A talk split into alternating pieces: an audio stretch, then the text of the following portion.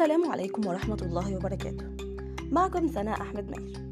العالم جوزيفوس هنريخس هو أول من عرف ظاهرة ديريتشو وهي العاصفة التي تمحي كل شيء في طريقها.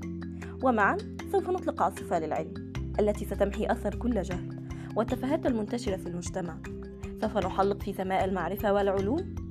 سنقف عند محطات كثيرة يتخللها لحظات رومانسية مثل العالم ماري وبهير كوري لحظات بؤس وشقاء مثل طفولة مايكل فاراداي لحظات من التفكير المفرط مثل محاولة أينشتاين الوصول إلى النظرية النسبية الخاصة Jirichu is a science stone to know everything about scientific stories. Stay tuned. تابعونا